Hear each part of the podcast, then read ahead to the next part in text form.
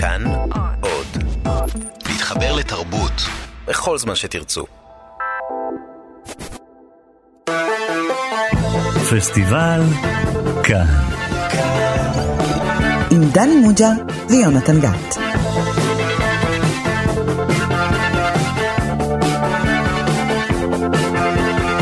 שלום לכם, אתם איתנו שוב בפסטיבל כאן, תוכנית הקולנוע הרדיופונית של תאגיד השידור הציבורי. אני יונתן גת, ומולי יושב ראש המחלקה לקולנוע בבית ברל, הלו הוא דני מוג'ה, אהלן. שלום יונתן גת. דני, מה אתה עושה פה עם גרביונים? אני חייב להגיד שזה מאוד הולם אותך. תספר לנו מה אתה. למה אתה לועג לי? אני בתלבושת הנכונה לכל סרט שאנחנו מדברים עליו. יפה. ואם אני מסתכל על התלבושת הזאת, זה אומר שאנחנו כנראה הולכים לדבר על הסרט הזה.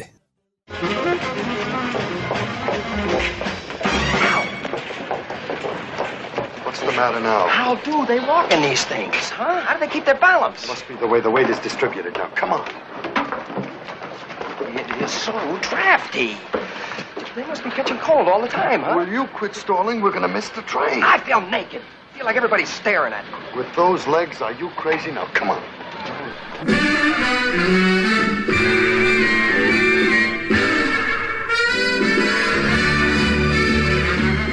כן, שמענו קטע מתוך הסרט המפורסם, חמים וטעים, או בשמו המקורי, Some Like It Hot. איזה תרגום, תכף אנחנו נדבר על זה.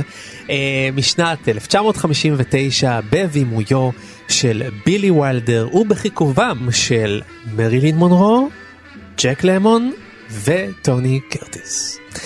דני מוג'ה, הרי כבר עסקנו בסרט אחד של בילי ויילדר בתוכנית, בעד התביעה, Witness for the Prosecution. למה לבילי ויילדר יש זכות בתוכנית הזאת לעוד תוכנית? אה, משום שראשית אנחנו מדברים על 60 שנה לסרט. או, אתה- אנחנו מחפשים תמיד מועדים, ואתה יודע. שהסרט הזה נבחר להיות אה, הקומדיה הטובה ביותר בסקר של ה-BBC. נכון, אז נכון, יש נכון. סיבה, חוץ מזה, אתה יודע, גם כשנדבר על ארבעה סרטים של בילי ויידר, אז אה, אני מניח שתהיה לזה סיבה, בילי ויילדר עשה הרבה מאוד סרטים טובים, נכון. וחלקם הם הסרט הבולט ביותר או המעניין ביותר בז'אנר מסוים. כן, כן? נכון. יפה, אבל דני מוג'ה, יום הולדת 60 או whatever, זה לא משנה, אתה צריך לעשות לנו תקציר של הסרט, אני רק אבקש ממך שתעשה אותו חמים, תעשה אותו טעים, ולי לא אכפת שתעשה אותו גם קצת חריף, כאילו hot. זה סרט שעלילתו נטועה ב-1929, סיפורם של שני נגנים, ג'רי וג'ו, שהם... אחד אה, הוא קונטרבסיסט, שאותו מגלם ג'ק למון, והשני הוא סקסופוניסט, אותו מגלם טוני אה, קרטיס. טוני קרטיס. ושניהם דלפונים, הם מחפשים עבודה כל הזמן. ו... מנגנים אה, בכל מיני מקומות כן, מפוקפקים. ה- העבודה שהם הם לא לוקחים, היו רוצים אבל לא יכולים לקחת, זה איזושהי עבודה לנסוע עם תזמורת של נגניות, של נשים בלבד, תוארת הנשים, שנוסעת לטור כזה בפלורידה.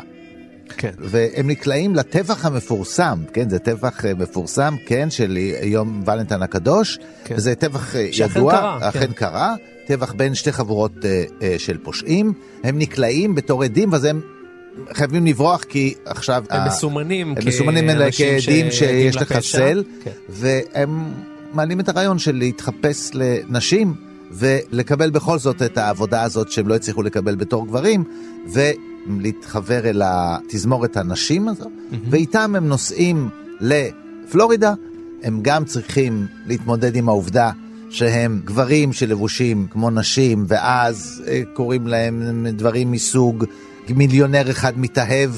באחת אחד, אחת אחד מהם. אה, השני מאוד היה רוצה לחזר וגם אולי להשכיב או לזכות בליבה של דמות של אה, מגלמת אותה מרלין מונרו, אז הוא צריך להתחפש לגבר עשיר ולזכות בה, ולקראת סוף הסרט הם גם צריכים למצוא דרך אה, לשרוד, כי הגנגסטרים שמחפשים אותם, גם הם מגיעים לאותו בית מלון במיאמי, וזהו, ו-rest is uh, funny. רגע, מה עם חתונה בסוף? אין?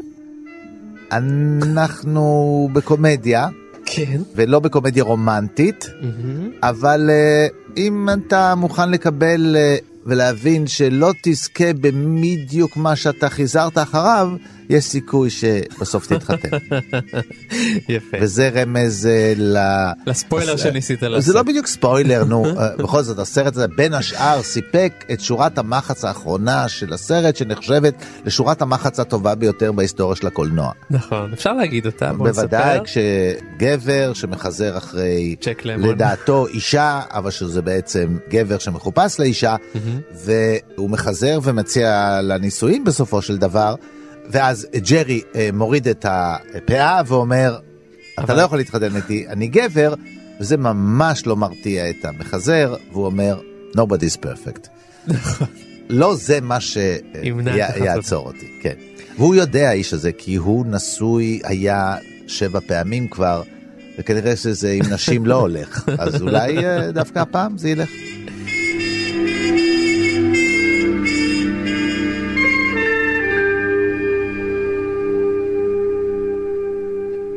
דני מוג'ה, אני חייב לציין שביצעת את התקציר הזה עם נפנופי שמלה מאוד מאוד uh, יפים. אוקיי, סבבה, 60 שנה וכו', אבל איך אתה מסביר את זה שהסרט הזה נבחר לאחרונה, לא לפני הרבה שנים, זה ממש בשנה החולפת, איך הוא נבחר לקומדיה הטובה ביותר? הרי ראינו אלפי קומדיות מאז. אנחנו ראינו סרטים מז'אנרים יותר מתקדמים כבר של קומדיה, של נונסנס ופרודיה וקומדיות יותר שחורות ויותר נועזות.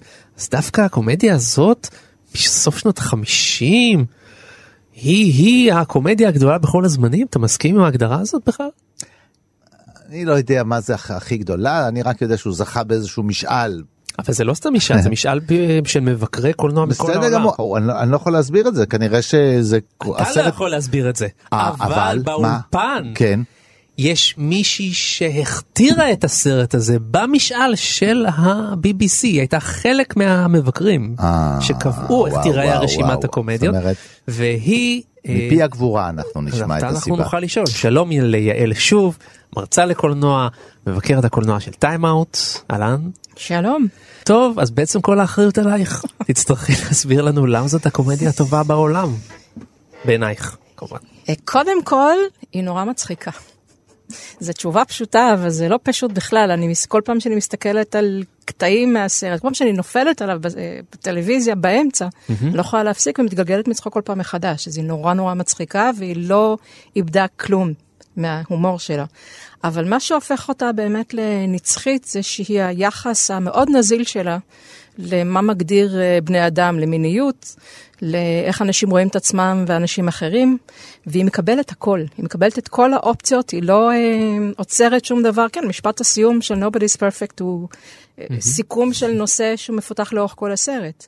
והיא עשה את זה ב-59, שזה היה העידן הכי שמרני של הקולנוע האמריקאי, על אחת כמה וכמה בנושא המיניות.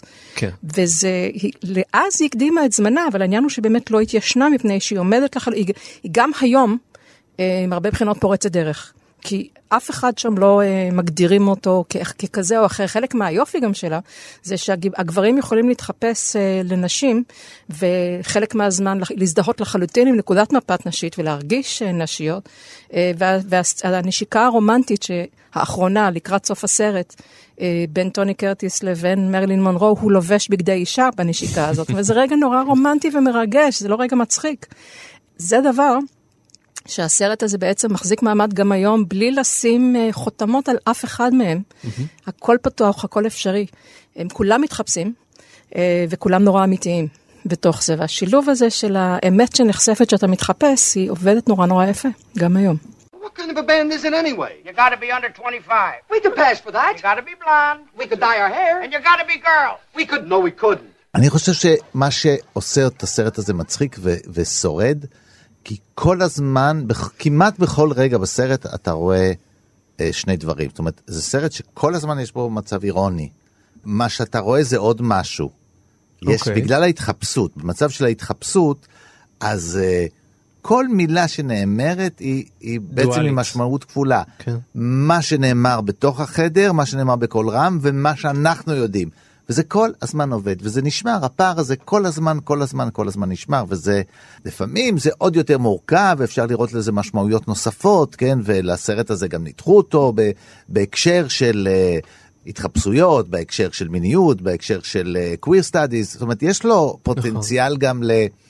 להבין ולקחת אותו הרבה יותר ברצינות ממה שפני השטח שלו. אבל אני חושב שהסוד שלו הוא באמת שזה מצחיק, כי זה אה, שילוב של גם קצת סלפסטיק, גם קצת בדיחות מילוליות, וקומדיה של מצבים, ואלמנטים פרודיסטיים רבים, כן, שאלה אולי חלקם... אה, אה, אתה צריך להיות מאוד מאוד קרוב לתקופה כדי להבין שאה, הוא מקפיץ מטבע מול גנגסטר אחר ששיחק פעם סרט שבו הוא הקפיץ מטבע, כן?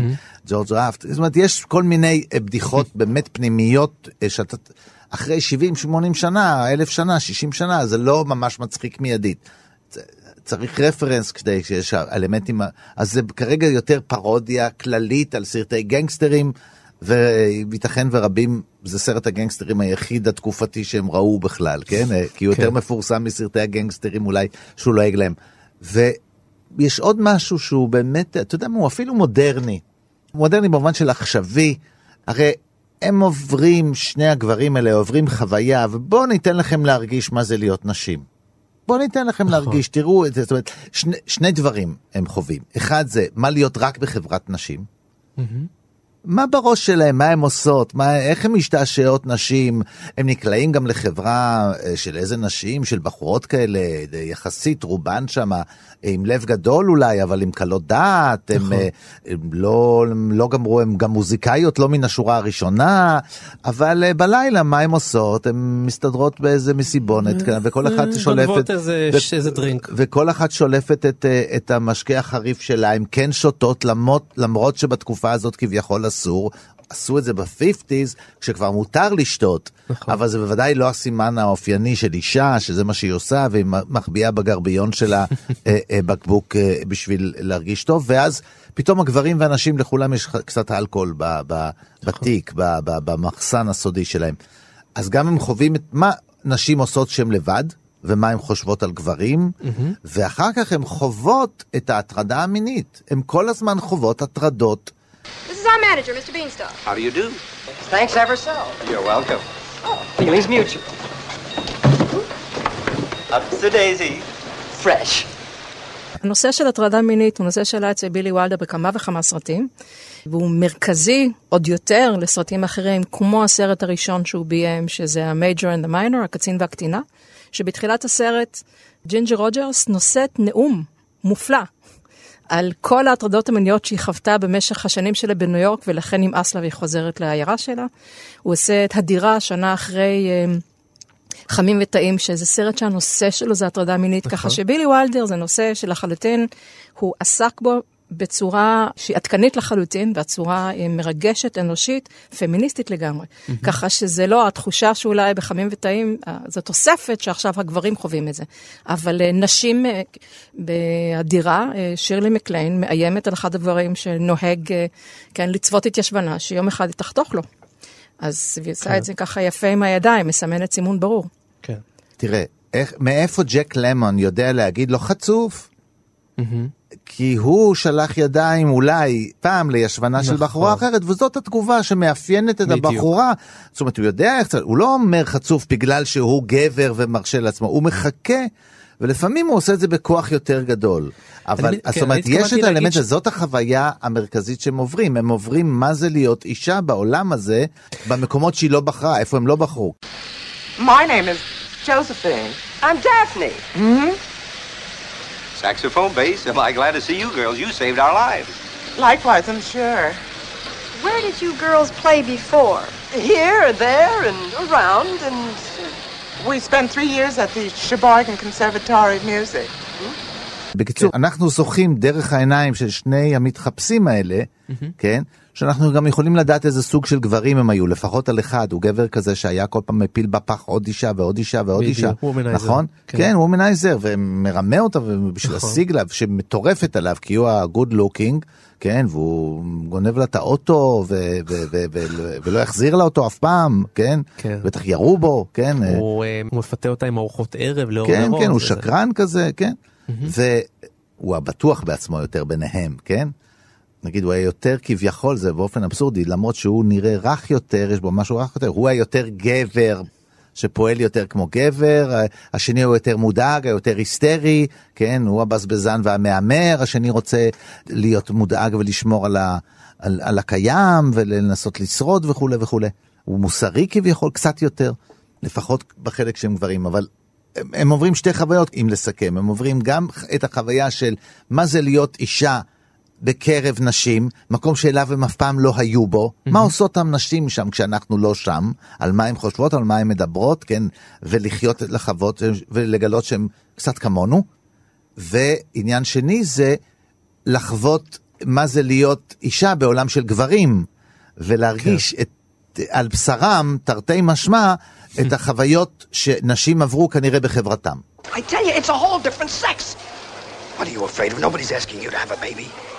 Is it just to get us out of town? Once we get the Florida, we'll blow this whole setup. Joe, this time I am not going to let you talk me into something that. Extra, extra, 7th Florida Northside Garage. Feared bloody aftermath. Extra, extra. You talked me into it. Let's go, Josephine. At a girl, Geraldine.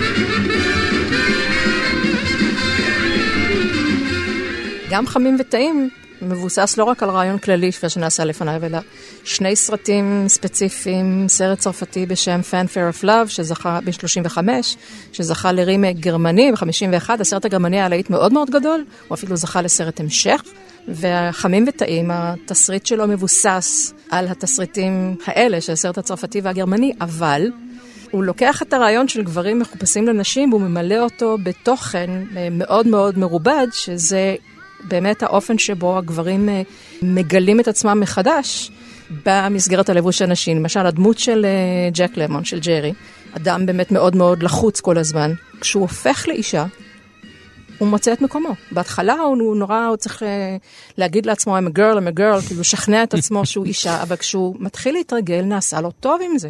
הוא נעשה הרבה יותר רגוע, הרבה יותר מאושר ממה שראית אותו לפני זה. וכשהוא מגיע לשיא, כמובן, אה, אחרי שאוסגוד מציע לו נישואים, המיליונר, והוא ממש... אה, מתמוגג והתלהבות מכמה שכיף לו עכשיו כאישה להגיד כן לגבר, למרות שהוא יודע שהוא יצטרך אחר כך באיזשהו שלב להגיד לו את האמת, אבל הוא לגמרי...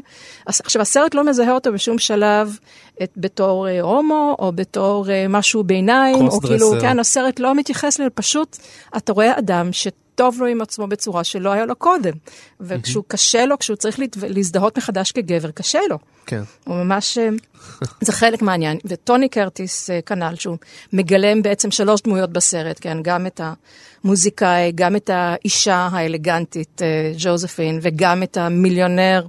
כן, מעמיד פנים של מיליונר נפט שמחפש, שמחזר אחרי מרלין מונרו, או בעצם נותן לה לחזר אחריו. Mm-hmm. גם הוא בעצם, זאת אומרת, כשהוא מחזר אחרי מרלין מונרו, כל מה שהוא רוצה לעשות זה להכניס אותה למיטה. בגלל אבל ההיכרות איתה, בסופו של דבר, באמת הסצנה נורא יפה, שבה, כשכבר הכל מתפרק, והוא בעצם צריך לברוח כי הגנגסטרים חזרו לפלורידה, והוא רואה אותה, הוא לבוש בבגדי אישה, והוא רואה את מרלין מונרו שרה I'm through with love. נכון. כן, זהו. עכשיו זה שיר שהוא חלק מההופעה, אבל לחלוטין זה שיר שבו היא חושפת את ה... את תחושת, ה, את העצב, את הוויתור על האהבה, והיא שרה את עצמה. כן. והוא רואה אותה, או הוא רואה אותה דרך העיניים של האישה שהוא עכשיו לובש, שפתאום הוא קולט אותה כאדם, לא כבומשל שהוא רוצה להכניס למיטה, אלא את הפגיעות שלה, את הפגיעות של, שכל כך מפורסמת, שקשורה למרלין מונרו, ושבגלל זה כל כך אהבו אותה, ואתה פתאום רואה שהוא מתאהב.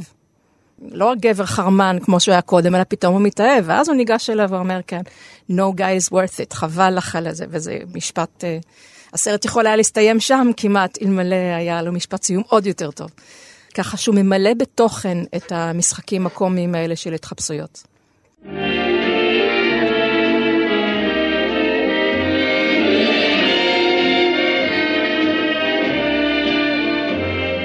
I'm through with love.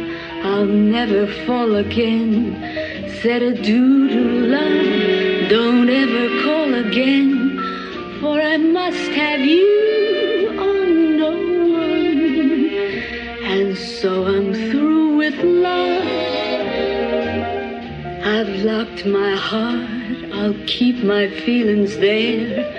I've stopped my heart with icy frigid air.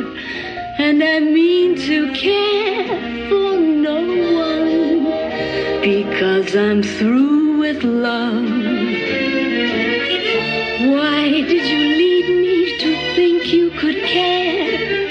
You didn't need me, you had your share of slaves around you to hound you and sweat with deep emotion,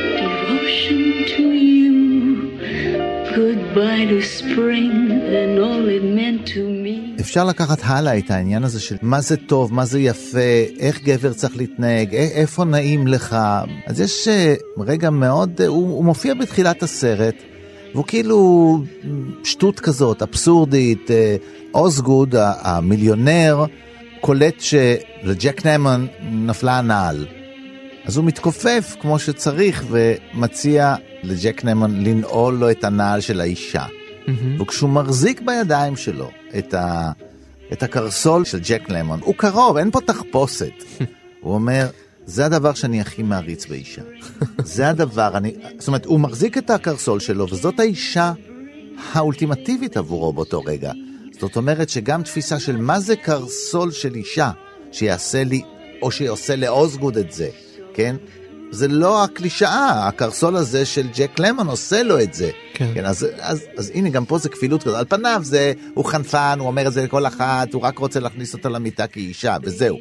אבל בגלל הקרבה, אולי באמת, מה שעושה לו את זה, זה הקרסול של... אולי הוא סוף סוף מצא את האישה שמתאימה לו. ואיך היא מציגה את עצמה באותו רגע? סינדרלה the second.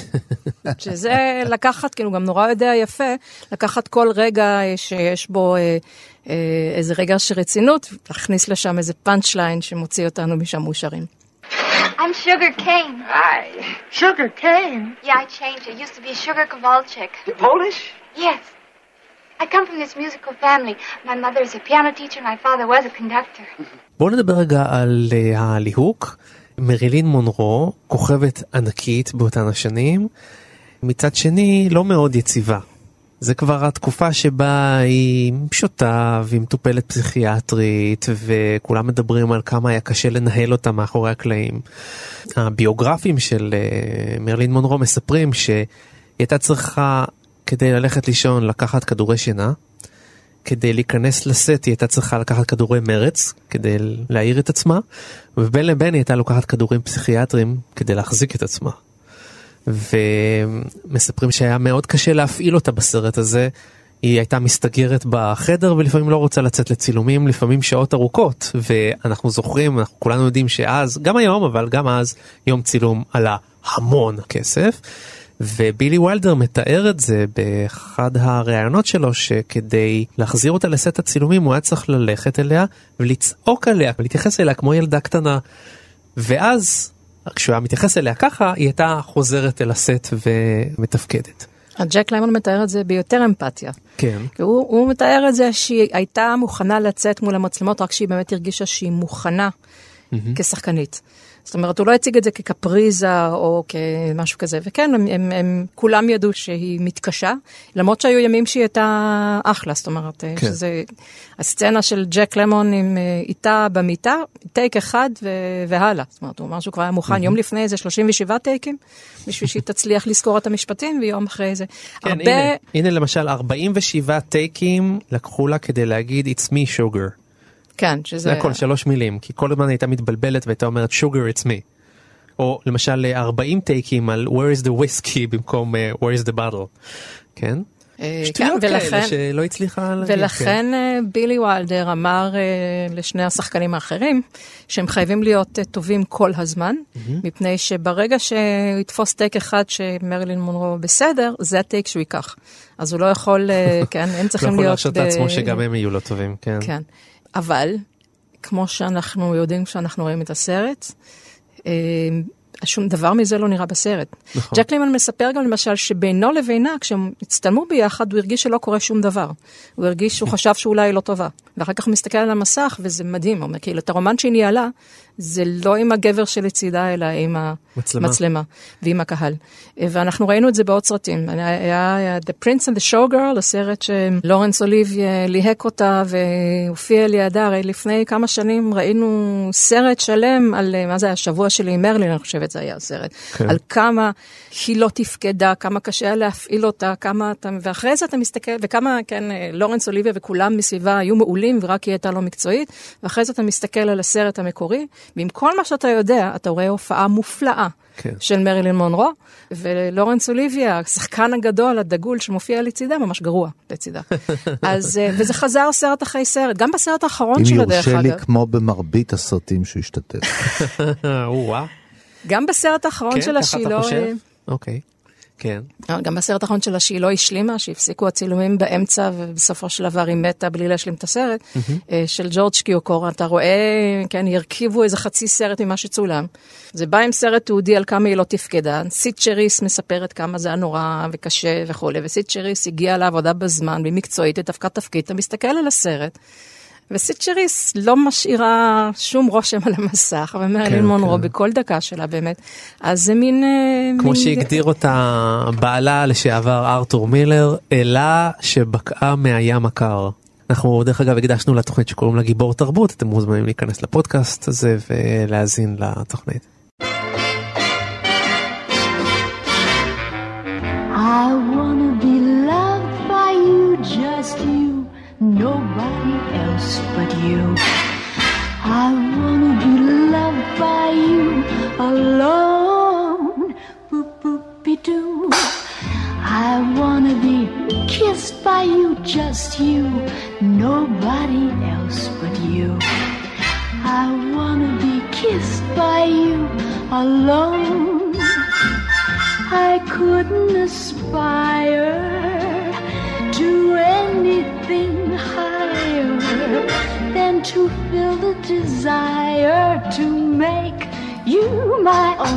own. Pa-dum, pa-dum, ba-doo-dee-dum, boo. I wanna be loved by באמת היא הייתה מצד אחד קומיקאית נפלאה, אנחנו, זה לא, היא שחקנית מקצועית לחלוטין, שבמצב, נמצאת במצב לא טוב בזמן הצילומים, כן. אבל היא שחקנית, היא לא, חוץ מזה, היא באמת יוצאת משם מתחת לזה הפגיעות שלה. יכול להיות גם אפילו שה... בוא נגיד, התפקידים הכי טובים שלה, היא עשתה בתקופה הכי קשה שלה. כן. אתה מסתכל על הסרטים הראשונים שלה, כשהיא עוד אה, שחקנית עולה שרוצה להצליח ועוד לא, היא לא משאירה כזה רושם כמו שהיא משאירה מאוחר יותר, נכון, ככה שמשהו שם אה, עובד בשבר הזה ביחד עם מה שהיא מצליחה להעביר למסך. נכון. הוא רצה את מיצי גיינור, הם כמעט צילמו את הסרט עם מיצי גיינור, שחקנית שאנחנו לא זוכרים אותה היום כמעט, כי באמת היא לא מרילין מונרו.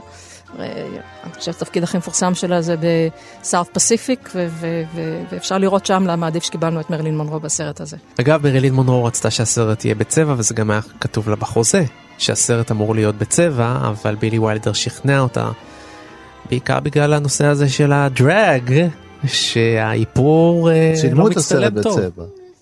הסרט כן, צולם אבל- בצבע, צבע צולם בצבע, אבל הוא שודר והאיפור נראה רע מאוד. כן.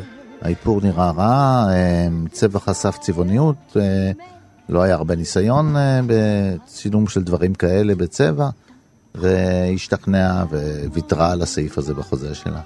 just you, nobody else but you. I wanna be loved by you. The deedly deedly deedly dum, boop boopy doop. ואיתנו נמצא אדם שלא רק יודע דבר או שניים על דרג, אלא הוא עצמו מתחפש לנשים. שלום לגיל נווה, שלום שלום. שהוא בשמו השני, דני שים לב, גלינה פורדברה, אוקיי? והי גיל, מה העניינים? צריך רק להגיד שאתה בחור? אתה כבר היית איתנו בתוכנית פרסילה מלכת המדבר, ושם פרשנת, כן. פרשנת את זה מצוין, אתם אה, מוזמנים להיכנס לפודקאסט על הסרט הזה, אבל הפעם אני רבה, רוצה תודה לשאול רבה. אותך, בשמחה, אז עכשיו אני רוצה לשאול אותך על הסרט אה, חמים וטעים, איפה הדרג תופס את אה, צופי הקולנוע בשנות החמישים? טוב, שנות החמישים, אה, למי שלא יודע, מי שלא יודעת, היו תקופה של שמרנות תרבותית חמורה ביותר. מצד שני, זו תקופה שבה נעשו כמה יצירות מהחתרניות ביותר שבתרבות הפופולרית. חשוב לזכור, שנות ה-20-30 בארצות הברית, תרבות הדרג היה מה שנקרא הפנזי קרייז. היו הרבה מאוד מועדוני דרג שהייתה התלהבות גדולה מאוד מהם בארצות הברית. אבל אה, עם שנות ה-40, מלחמת העולם השנייה, שנות ה-50, אה, הוכחה לזה שחברה יכולה לחזור אחורה, אה, אה, שמרנות מטורפת והרבה מאוד אנשים שעסקו בדרג, בין אם אלה היו drag queens או drag kings, היו נעצרים.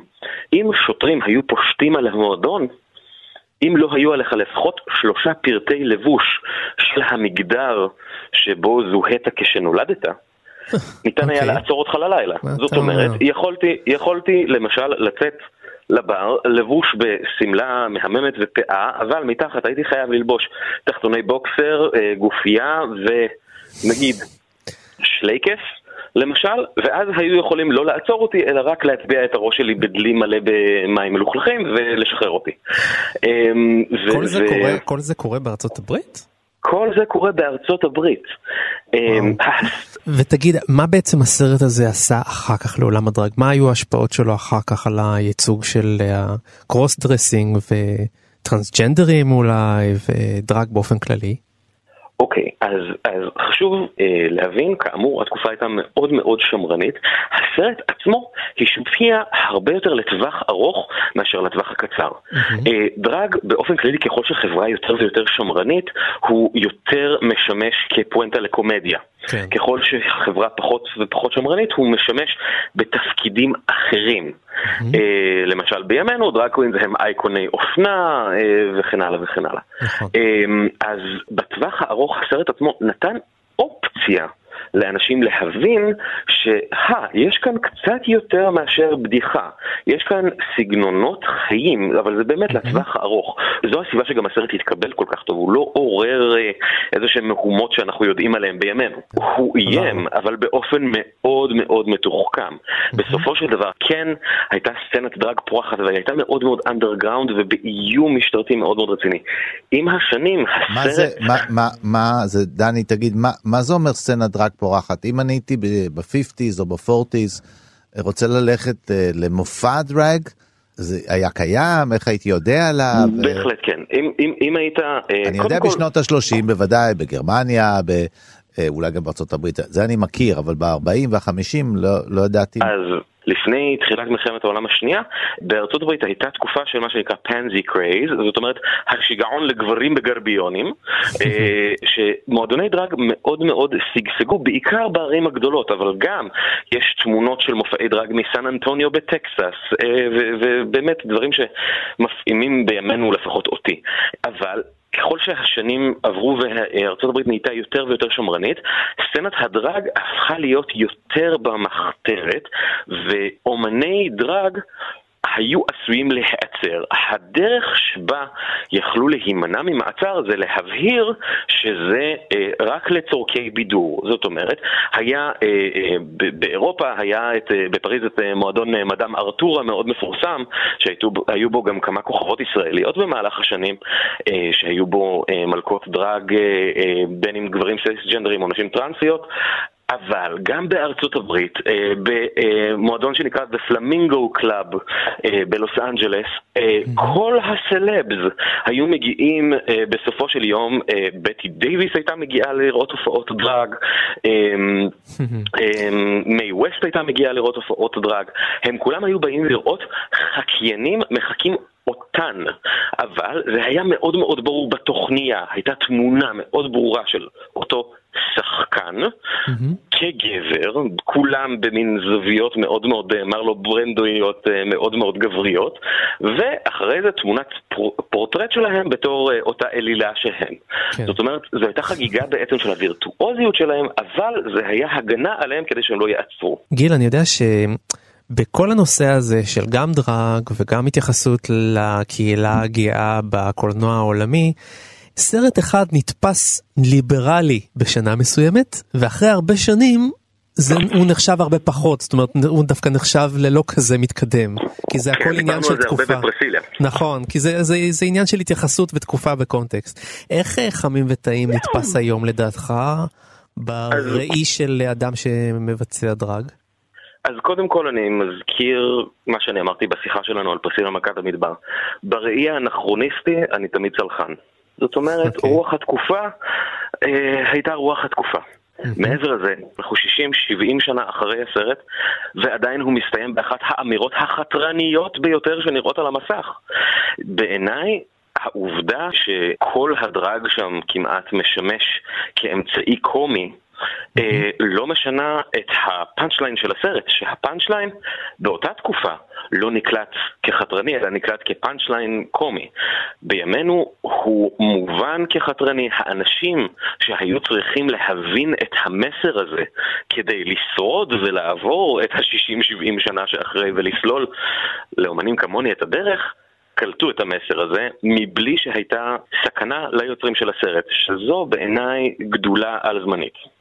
גיל נווה, אנחנו תמיד מחכימים ממך, למרות שאנחנו פה לבושים בבגדי זכר, אנחנו מחכימים ממך גם הפעם. יש לי ערימת נוצות עם השם של דני עליה וערימת פייטים עם השם שלך עליה. אל דאגה, מתי שתוכלו, תבואו. תיזהר ברוח. אנחנו נבוא לאסוף את זה בקרוב. תודה רבה לכם. There are two things that I will not put up with during working hours. One is liquor and the other one is men. Men? Oh, you don't have to worry about that. We wouldn't be caught dead with men. Rough, hairy beasts with eight hands. And they, they all just want one thing from a girl.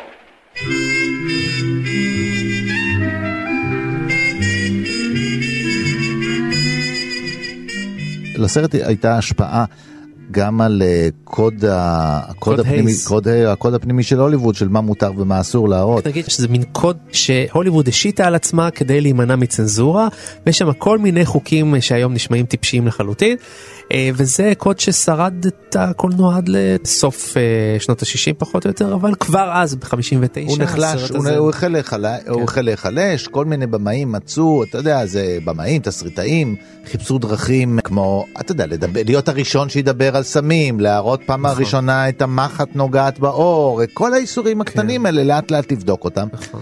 עכשיו זה מאוד היה תלוי במפיקים, לפעמים עשו את זה פשוט המפיק אמר אז אני לא אעביר את ה... אה, מחוץ לקוד.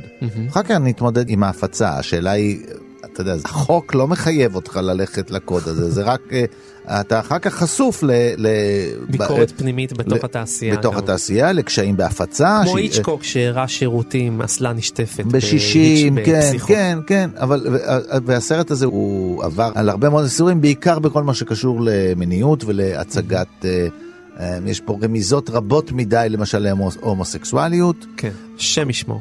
כן. כן, כי כל הגברים האלה בסופו של דבר הם מחזרים אחרי גברים, אין מה לעשות. כל גבר פה שאומר למישהי, אני אוהב אותך, אנחנו יודעים שהוא אומר את זה לגבר, אז באותו רגע זה אהבת גברים. ויחד עם זה יש שם גם נשיקה לסבית כאמור, כי טוני קרטיס כאישה מנשקת מרילין מונרו, אז אתה יכול לקחת את זה לכל מקום. בהחלט, אז אני חושב שאלה דברים שפחות הציקו, כי אנחנו יודעים שזה גבר מנשק אישה.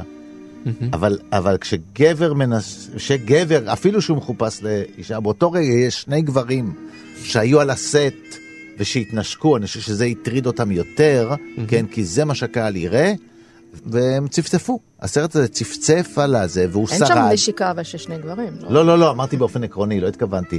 גם ככה, את יודעת, נשיקת גברים יותר מזעזעת את הצנזור. כל דבר שקשור בגברים. כן. כן. נכון.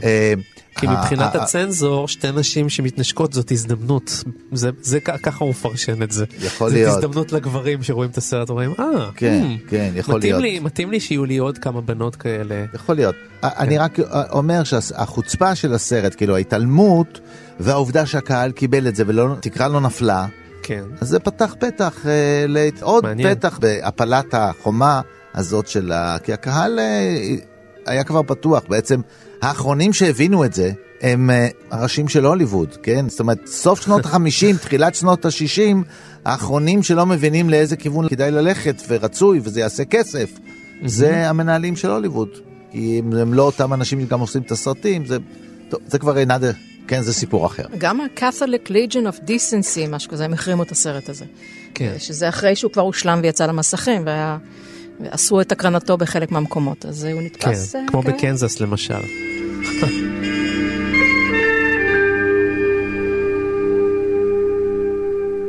Tell me, who runs up that flag? Your wife? No, my flags do it. Who mixes the cocktails? Your wife? No, my cocktails do it. Look, if you're interested in whether I am married or not, Oh, I'm not interested at all. well, I'm not. That's very interesting. אחד הדברים המעניינים זה איך אה, טוני קרטיס וג'ק למון התכוננו לתפקידים שלהם. אומרים שהם uh, התלבשו, התאפרו, והלכו לבחון ריאקשנס, uh, תגובות של נשים בקניונים, איך uh, מגיבות באזורי המדידת בגדים של נשים. הם לא נכנסו לתוך, לא נכנסו להציץ, אבל הם uh, הלכו והסתובבו מול מראות, וכשהם ראו שאנשים לא מגיבות אליהם באופן מוזר, ורואות בהן uh, נשים לכל דבר כנראה, אז הם הבינו שזה עובד. והם גם קיבלו הנחיות ממופיעה מקצועית, זאת אומרת, דרג קווין מקצועית שנתן להם הנחיות אה, איך לשאת את עצמם. אז אלה תפקידי הנשים. אבל מש- כאמור, טוני קרטיס גם צריך לגלם אה, מיליונר, ש... נפט, שזה כבר סיפור אחר. בתור כן. בחור אה, מהברונקס, משכונה, כן, קשוחה מהברונקס, לא כל כך ידע איך מגלמים אה, מיליונר, והוא בחר בעצם לעשות חיקוי של קרי גרנט. רק שהוא העניק לו מבטא אמריקאי. אה, אבל ההופעה שלו, ברגע שאתה מודע לזה שבעצם מה שהוא עושה שם זה חיקוי של קרי גרנט, זה כל כך אה, בולט. וזה הרעיון שלו, הוא הציע את זה לבילי וילדר, שמאוד התלהב. אה, ודרך אגב, זה היה, בילי וילדר כל כך אהב לעבוד עם ג'ק למון, שבעצם זה הסרט ראשון בסדרה של סרטים שהוא עשה איתו. הרבה סרטים הוא עשה איתו. והסרט הבא, הדירה, זה סרט שהוא הדירה. לגמרי אה, חיפש תסריט בשביל לעבוד עם, עם ג'ק למון. ו-The Fortune Cookie. חברים, חברים, אבל... חברים, נכון. וכותרת page. ראשית, נכון, כן. נכון. אבל באמת במקרה של הדירה, שזה היה התפקיד הבא, ו- ו- וג'ק למון לא היה שחקן ראשי. ג'ק מהמם. למון היה שחקן של תפקידי משנה. אה, ולכן הוא בא עם רעיון המבריק, אני חושבת, באדירה. הוא היה סרט אה, בריטי קלאסי בשם, אה, של דיוויד לין, על Brief Encounter. Encounter, על רומן בין שני אנשים נשואים שנפגשים בדירה של החבר. אז הוא חשב, מעניין, אה, בוא נעשה סרט על החבר עם הדירה, שהוא זה שנותן, כי מלכתחילה הרעיון הוא לעשות סרט על אדם שהוא בסרטים בדרך כלל מופיע בתפקיד משנה, בתור מישהו זניח, ולשים אותו במרכז, וזה ג'ק למון. ושלא נשכח את עיר מלדוס, שזה גם סרט נהדר בחיכובו של אה, למון. כן. Say, don't I know you two from somewhere? Oh, no, no, we're just a couple of musicians. Oh, we came to pick up a car, Nellie Weinmeyer's car. Uh, there's a dance tonight. Come on, Jerry. Wait a minute. Where do you think you're going? Urbana? It- It's about a hundred miles from here, so don't. You're not going nowhere. הסרט הזה נעשה ב-1959, ויש לי חידה בשבילכם. יש שחקן אחד בסרט שהוא עדיין איתנו. מי הוא? חברים יקרים. השומר, השו... יש אחד כמה שמצטרף לאורגיה שם, הבלבוי. אני מנסה, כי הוא בחור בן אולי- 12, לא? לא. אחד מהשחקנים שיש לו תפקיד לא מאוד קטן בסרט, והוא בן 99, ושמו נחמיה פרסוף, והוא מגלם את The Little Bonaparte. הוא מגלם את ראש המאפיה הגדול, הקרח, שנכנס שם כרוח סערה. Thank you, fellow opera lovers. It's been ten years since I elected myself president of this organization. And if I say so myself, you made the right choice. ונחמיה פרסוף, שהוא כרגע בן 99 שיאריך ימים, הוא כנראה השחקן הישראלי עם כמות הסרטים הכי גדולה אי פעם, מעל ל-200 סרטים, הוא הופיע גם אצל היצ'קוק, ב"הנאשם" עם הנרי פונדה, הוא גם הופיע בסדרה קולומבו עם פיטר פלק, הוא גם הופיע עם ג'ון ויין וגם הופיע עם המפרי בוגארט. והאיש הזה היה פשוט בכל מקום, היה לי הכבוד לשוחח איתו, לראיין אותו ואפילו לקבל ממנו חתימה על ה-DVD של אה, חמים וטעים. ושאלתי אותו על ההופעה שלו בסרט הזה חמים וטעים, הוא אמר שבילי וילדר היה במאי מאוד מאוד קשוח, ושאת ההופעה שלו בחמים וטעים הוא עשה כמעט בטייק אחד. והוא התוודה בפניי שאחת הסיבות שלקחו אותו כל כך הרבה סרטים זה שהוא היה יודע לבצע את הדברים שלו בטייק אחד הוא היה מתכונן הרבה מאוד בזמנו פילים עלו מאוד ביוקר ותמיד ידעו שנחמיה פרסוף שהוא זיקית כזאת שמסוגל לגלם כל כך הרבה תפקידים קטנים לא גדולים אה, יגיע ויעשה את זה ביום צילום אחד ואפשר לסיים איתו את הסיפור. אז uh, זאת הזדמנות uh, לאחל לו עוד הרבה הרבה שנים, עוד 120 זה קצר, אנחנו מאחלים לו מפה הרבה בריאות. That's good. I'm gonna level with you. We can't get married at all. Why not? Well, in the first place, I'm not a natural blonde. Doesn't matter. I smoke. I smoke all the time. I don't care. Well, I have a terrible past. For three years now, I've been living with a saxophone player. I forgive you. I can never have children. We can adopt some. But you don't understand, Osgood. Uh, I'm a man. Well, nobody's perfect.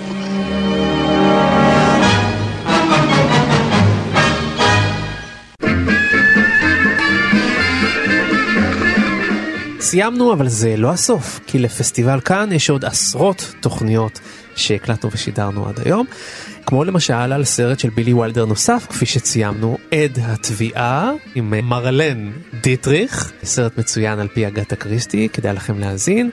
ומצד שני יש לנו עוד סרט על דרג שזה פרסילה מלכת המדבר אתם מוזמנים להיכנס פשוט לעמוד הפודקאסטים של תאגיד השידור הציבורי או לאפליקציה בעברית תקנית יישומון שנקרא כאן אודי אתם מורידים אותו לנייד החכם שלכם ושם תוכלו להיכנס לאזור הפודקאסטים וכל תוכניות פסטיבל כאן יהיו לרשותכם.